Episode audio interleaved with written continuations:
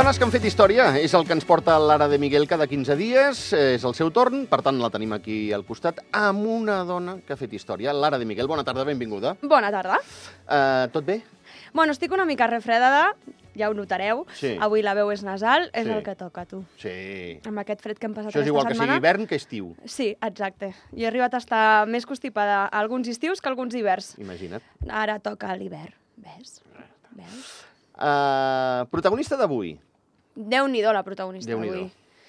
Eh, ostres, em sembla que no havíem fet encara una protagonista on la seva vida hagués sigut, eh, podríem dir, mm, tan espantosa i envoltada de tragèdia, no? Potser. Sí, Sí, sí. sí, sí. Malaurada, malauradament, no? Però va arribar dalt de tot, eh? Va arribar, no dalt de tot, al, al, A l'infinit. No? Com el Buzz Lightyear. Sí, sí, sí, Sí, sí. En, en, en versió dona, no? En versió dona, exacte. Bueno, doncs com sempre, com ja és costum, eh, aquesta segona temporada de Grans Dones de la Història m'he proposat venir amb dues frases cèlebres de Molt les bé, protagonistes, així molt que bé. avui no anava a ser menys, i també he portat dos frases cèlebres de la Golda Meir. Golda Meir, molt bé. No sé si els nostres oients avui la coneixeran. Potser no és massa... Els que eh, tenen una edat, jo imagino que sí. Depèn, no? També. Depèn també, sí, sí, sí, Depèn, depèn, no? clar, sí, sí. Però, clar, evidentment, i sobretot, doncs, qui més coneix a Golda Meir doncs, són les persones jueves. Correcte. Perquè va, va ser importantíssima per, per aquests ciutadans, no? I, bueno, com dèiem, anem a veure les seves frases. Vinga, va. Una d'elles és confia en tu mateix. Sí, Sigues la persona amb la que et faria feliç viure la resta de la teva vida. bona, Ostres, és magnífica. bona. Sí, em va, em va encantar aquesta frase. Vaig pensar, quanta raó. Confia en, Tu- en en tu tu mateix, mateix. sigues la persona amb la que et faria feliç viure la resta de la teva vida. Sí, no? Molt És, és allò de cultiva't a tu primer, no? Uh, estima't a tu primer, Clar, sigues feliç amb tu mateix. sigues sí, feliç Sí. tu mateix i, a més a més, confia, Clar. no? Que uh, és el missatge de moltes de les nostres Molt bé. grans dones Sí. que han passat per aquí, no? Que al final és... eh, Qui, qui ha confiat més en, en si mateixa ha sigut ella mateixa, no? Mhm. Doncs una mica seguim aquest missatge. I l'altra és, que també m'ha semblat eh, del tot magnífica, és no sé si les dones són millors que els homes, Sí, però segur que no són pitjors. segur. Que això també em sembla brillant, no? Sí. Perquè moltes vegades les comparacions eh, venen a això, no? A, a, al final que tot es redueixi en són pitjors o són millors. És que no És es que- tracta ni de pitjor ni de Correcte, millor. No? Correcte. I, I la lluita d'aquest feminisme i d'aquesta igualtat és entendre doncs, que homes i dones són complementaris i no som ni pitjors ni millors Mhm. eh, quan ens comparem entre nosaltres mateixos. No? Ara he utilitzat la paraula feminista, però, ostres, també haurem de dir que Golda Meir, precisament, feminista no va ser. I va ser molt criticada i, i, i durament per no ser-ho. Però això no vol dir que no lluités pels drets de les dones treballadores. Mhm. Tam- Tampoc ho hem de confondre, perquè Golda Meir, al llarg de la seva vida, també va lluitar molt pels drets de les dones I que també et treballadores. diré una cosa, eh? No és un pecat no ser feminista sent dona. Perquè, mm, com es diu allò, eh, l'acció es demostra caminant, no? Sí, Vull dir que... Sí, sí, però bueno, jo també entenc que eh, a, a Golda Meir tam també la van anomenar la dama de ferro. No? Ja, ja, va, ja va... Que ja ens en vas portar una, eh? Exacte, ja va passar per aquí una dama de ferro que va ser en el seu moment la Margaret Thatcher. Sí, senyora. Doncs a Golda Meir ja la van batejar inclús abans que la, la Margaret i suposo que... I, i les dues figures eh, s'han dedicat a la política, no? Mhm. Eh, Llavors, eh, jo m'ho he pres com que he entès que en el segle XX doncs, havies de tindre aquesta mà ferma per poder doncs, exercir aquest eh, alt nivell dintre de la política, no? I, més en un món masclista, no ens enganyem. Exacte, és a dir, les dones no arribaven. Problemes, imagina't fa eh, 50 anys enrere. Sí, sí, eh, i bueno, Golda Meir va ser la primera dona... Bueno, ara parlarem de la seva vida, però bueno, dèiem que Margaret Thatcher va ser la primera primera ministra del de, el Regne Unit, però ella va ser la primera primera ministra d'un estat democràtic en tot el món, no? I, i ho va fer gairebé 30 anys abans que, que Margaret. Però bueno, Uh, ja hem desvetllat, Golda Meir es va dedicar a la política Sí. i és per això que uh, vull parlar d'una breu introducció sobre la pau, no? Val. I és que la pau és un dels béns més preuats que menys menys Sí. s'ha sabut cuidar i respectar durant la història de la humanitat. Cert. Sempre hi ha hagut algun tipus d'egoisme, ambició o odi pel mig que ha provocat destruir qualsevol indici de pau que existís. I això és una realitat i això ho hem viscut i els que sabem d'història o, o hem llegit una miquetona d'història, doncs sabem que això és així. I davant d'això, doncs, a vegades hi ha oportunitats, Mhm. sigui en forma de pactes polítics, de canvis de consciències o de persones. Doncs podem dir que per a Israel i els jueus aquesta oportunitat de millora, i de pau sobretot, va ser precisament Golda Meir. Val. La nostra protagonista va néixer el 3 de maig de 1898 a Kiev, a Ucrània, Mhm. però recordem que en aquella època aquesta ciutat encara eh, era adherida a l'imperi rus. Sí. I Golda Meir eh, la coneixem avui en dia així, però Golda va néixer amb el nom de Golda Mavovich. Clar, si era eh, de Kiev, eh, clar. ucraïnesa, doncs clar, Exacte. Mavovich és el seu, sí. Sí, sí. I podem dir doncs, que va tindre una vida eh, llarga, perquè va morir amb 80 anys, Sí. eh, més tard doncs, a, a Jerusalem, a Israel. Mhm. I, clar, doncs, la seva llarga vida va ser molt completa. Meir va ser una dona amb bondat, molt lluitadora, incansable lluitadora, i, sobretot, eh, pionera en la professió a la qual es va dedicar amb cos i ànima, és a dir, a la política. Mhm. Recordem no? doncs que en el segle XX, ja ho hem dit abans, eh, a, a, aquest càrrec no l'ostentaven eh, dones. No? Sí, sí. I potser cap càrrec de la política, i molt menys el més alt, no? Correcte, impossible, sí. Sí, sí. Uh, ella provenia d'una família molt humil. Mhm. Uh, ella era la sèptima de vuit germans i cinc d'aquests germans grans eh, inclús van arribar a morir de petits a causa de la pobresa i de malalties. Carai. Eh, com ja hem dit, doncs això, no? una família molt modesta i jueva. El seu pare, de fet, era fuster. I per això hem d'entendre eh, des d'on partim amb la nostra protagonista, perquè aquestes circumstàncies són molt importants perquè hem de tenir en compte que haver nascut a finals del segle XX i principi, o sigui, a finals del segle XIX, principis del XX, en una Europa central i de l'est, sent una dona en una família jueva i humil, Masses números de fer gaires coses, no... Exactament, no? I, i, i, i sobretot pel que eh, ar, eh, estava a punt d'arribar, no?, pel poble jueu. I bé, doncs, eh, com ja comentem, en aquest moment històric eh, doncs es viu tot l'antisemitisme. Eh, per qui ara no recordi bé quina és la definició de l'antisemitisme, doncs recordem que és l'hostilitat o prejudici cap als jueus com a grup religiós, ètnic o racial, al qual es manifesta com a odi cap a un individu. Val. I, I, evidentment, aquest antisemitisme ja no és tan sols una realitat intel·lectual, sinó que és una realitat tangible i violenta Mhm. eh, doncs en aquesta Europa de finals del segle XIX, principis del segle XX. És a dir, que és un perill quotidià per la gran nombrosa població jueva, doncs, eh, evidentment, a la que ella hi pertany, no? Mhm. I per aquest motiu, degut, degut a això, és el que, eh, per aquest motiu, ella es va dedicar al moviment eh, sionista. No? Eh, si, a, si a Golda Meir l'hauríem de definir amb una paraula, seria la de sionista, que pels que no sapigueu què és, que jo tampoc ho sabia fins que no me l'he estudiada, doncs el sionisme és la ideologia i moviment polític nacionalista que va proposar des dels inicis l'establiment d'un estat per al poble jueu. Mhm. I ara explicarem el, el perquè d'aquesta necessitat. No? Uh, però bueno, tot aquest moviment sionista eh, neix eh, doncs, en la vida de Golda Meir arrel d'un pogrom Ostres, quantes paraules noves eh, Sí, sí, estem avui- aprenent avui, eh? Ah, Ara hem molt de bé. definir també el que és un pogrom. Doncs eh, aquesta paraula prové del rus Val. i significa doncs, un alçament popular de caràcter violent Mhm. motivat per organitzacions extremistes i dirigit contra qualsevol grup social per motius religiosos, nacionals, de classe o racials. D'acord? És a dir, eh, no ens imaginem tampoc els pogroms com eh, un acte sense importància violent. No, no, estem parlant d'assassinats i fusilaments, Val. directament. Val. No estem parlant de, de potser una violència com l'entendríem avui dia, que tampoc vull dir avui en dia, perquè mm, precisament Ucrània, si la tenim tots ara mateix en ment, és, és per una situació com aquesta. No? Mhm. uh, no evidentment, contra la població jueva, però sí contra la ciutadania, sí, no? Sí, sí. I doncs, eh, bueno, Golda Meir, arrel d'un pogrom a l'abril del 1902, eh, doncs clar, mm, ella viu en les seves pròpies cars amb tan sols 4 anys un acte mm, així, no?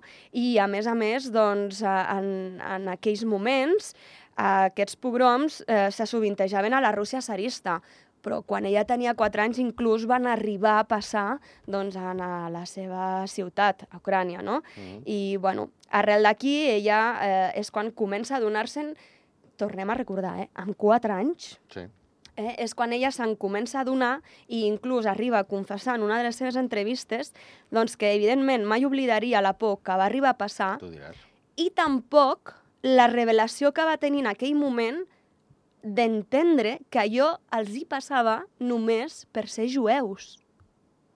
Sí, sí, al cap d'uns anys va venir qui va venir, que també, Exacte. per fet de ser jueu, eh? Sí, sí, camp sí. de concentració... Molt més tard, o- la pobra encara també va tenir que viure doncs, tot l'Holocaust, no? Mhm. uh, però clar, ella, imagina't, no? Amb 4 anys no entens absolutament per què passa tot això i, a més, te n'adones que només li passa al teu poble, no? Mhm.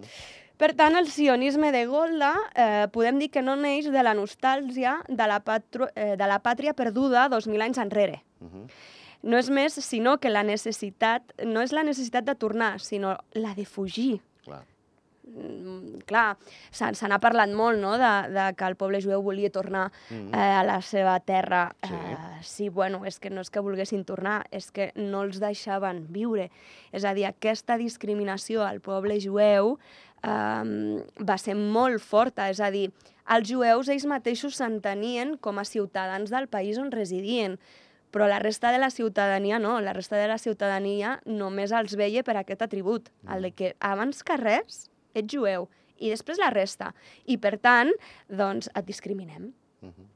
Doncs aquí Golda se n'adona doncs, de la necessitat d'intentar trobar un espai on els deixessin viure eh, pel fet de ser jueus, no? I, i tot i que diguem que la Golda doncs, eh, la podríem definir per la paraula sionista, a mi m'agrada molt més, eh, personalment, definir-la amb la paraula de somiadora, no? Perquè, eh, ostres, adonar-te'n de que el que s'ha de fer és anar a buscar una terra per convertir-la en estat, que és el que va fer amb Israel, doncs perquè el seu poble pogués viure tranquil·lament, Mhm. a mi em sembla extraordinari i, i, i d'arribar a somiar, recordem que Golda doncs, ve de- d'una família molt humil i, i arriba a lo més alt doncs, pensant en això, en la creació d'un estat propi perquè el seu poble pugui viure, no? Mhm. I, i em sembla meravellós. I, per tant, eh, després de veure tota aquesta situació que arriba a casa seva, que arriba a Ucrània, finalment, als 8 anys, eh, pot fugir amb la seva família als Estats Units Val. no? Um, és, un, és un previ pas a, a la creació d'Israel, no? Primer hem de fugir d'on ens estan matant i quan estigui doncs, eh, assentats i tranquils ja seguirem amb aquest moviment sionista per veure on acabarem, no? Val. I, bueno, podem dir que van tenir la sort de poder, de poder escapar d'aquesta situació, arriben als Estats Units i als 19 anys es casa amb el seu marit, el, Mo el Morris Meyerson, que era un pintor jueu nord-americà, Val. I al moment de casar-se ho fa migrant a Palestina Sí. sota el mandat britànic eh, doncs per integrar-se a un kibbutz. Val. Una altra paraula nova, Vinga, que per va. qui no la sàpigui, kibbutz significa comunitat agrícola israelí. Val. I aquesta paraula en hebreu vol dir grup. Val.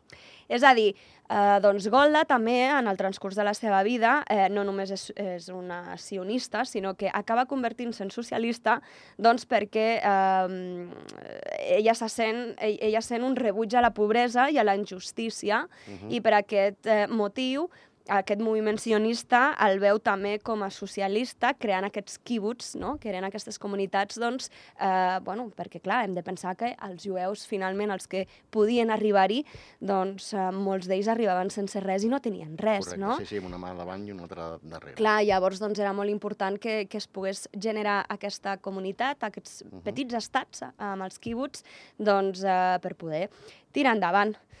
I la veritat és que en una època com era eh, mitjans del segle XX, arribar a fer tot el que va arribar a fer doncs, per poder crear aquest estat d'Israel eh, la defineix com una lluitadora i sobretot amb una tenacitat i persistència eh, digna d'admirar, no? Perquè, a més a més, doncs, com és obvi, no ho, ha, no ho va poder fer sola, sinó que també va haver de buscar en l'estranger finançament eh, per poder dur a terme tot aquest projecte tan idíl·lic i, i ella es va marcar un objectiu i quan van a veure els altres caps d'estat i quan van a, uh, sobretot aliats, evidentment, quan van a veure doncs, tots els altres caps d'estat uh, per explicar-los el seu projecte, la seva idea, uh, no només va recaudar el que ella pensava recaudar que era necessari per creure sinó que va arribar a recaudar tres cops més del que ella preveia, no? O sigui, realment ens demostra eh, que, que això amb il·lusió i passió eh, i arribes i ho crees, no? Bueno, va estar a la Casa Blanca en diferents èpoques, amb John Fitzgerald Kennedy, amb Richard Nixon, vull dir... Sí, sí, sí. Poca broma. Exacte. Llavors, eh, bueno, mm, evidentment, eh, Israel no és un territori eh, que estigués fora del conflicte, Golda va tenir que viure també les guerres, evidentment en el moment que van signar doncs, l'estat independent d'Israel doncs, eh, bueno, era una porció de la Palestina, però amb ella ja li va semblar bé. I, i sempre va estar envoltada d'aquest conflicte, no només eh, per l'estat d'Israel, sinó perquè ella també patia molt doncs, per la situació que arribava, que era la de l'Holocaust, i, i que ella el que més volia era poder salvar el, el, la major quantitat eh, de ciutadans jueus de tota Europa i, i ostres, va ser molt frustrant eh, no poder aconseguir eh, el que es pretenia, no? perquè, evidentment, va ser un, un desastre i, i va morir molta població jueva, no? Sí, sí, sí. Sí, sí. Més de 6 milions. Exacte, és que ja es diu ràpid. Sí. I també eh, sembla com si fos fa un mil·lenni i hem de recordar que, és que això és d'abans d'ahir, eh? Sí, Vull sí, dir, sí, fa i, és, i és una llàstima. 70 i escaig anys, 80, sí, sí. Sí, sí. Per tant, bueno, eh, evidentment, mm, en un món com aquest, eh, en, en, en la seva política, doncs, la seva popularitat no va ser només positiva, no? També en va tindre molta de negativa, Mm -hmm. perquè segons les actituds respecte a l'estat d'Israel, doncs estava molt per damunt del que correspondria a la primera ministra d'un país minúscul i acabat de néixer, doncs ser una dona com va ser eh, Golda Meir, que, que, que va ser extraordinària, no? I, i, però no obstant això va haver de patir també molts, molts menyspreus, caricatures i humiliacions en molts moments de la seva vida, no? I, i sobretot doncs, pel fet de ser dona. Uh -huh. I no tant en el seu estat, eh? i no tant a Israel, que finalment la van votar, la van elegir. Sí, sí, sí. Va arribar al càrrec de primera ministra perquè va ser la elegida, no? Uh, però sí que doncs, arreu del món, uh, malauradament, sí que va tindre que viure doncs, algunes situacions uh, molt humiliants. Uh -huh. Però bueno, què destacaríem de la nostra Vinga, va. Doncs que eh, va aconseguir fer-se activista als Estats Units, eh, on va arribar de molt petita, doncs, fugint de l'antisemitisme del que hem parlat, no?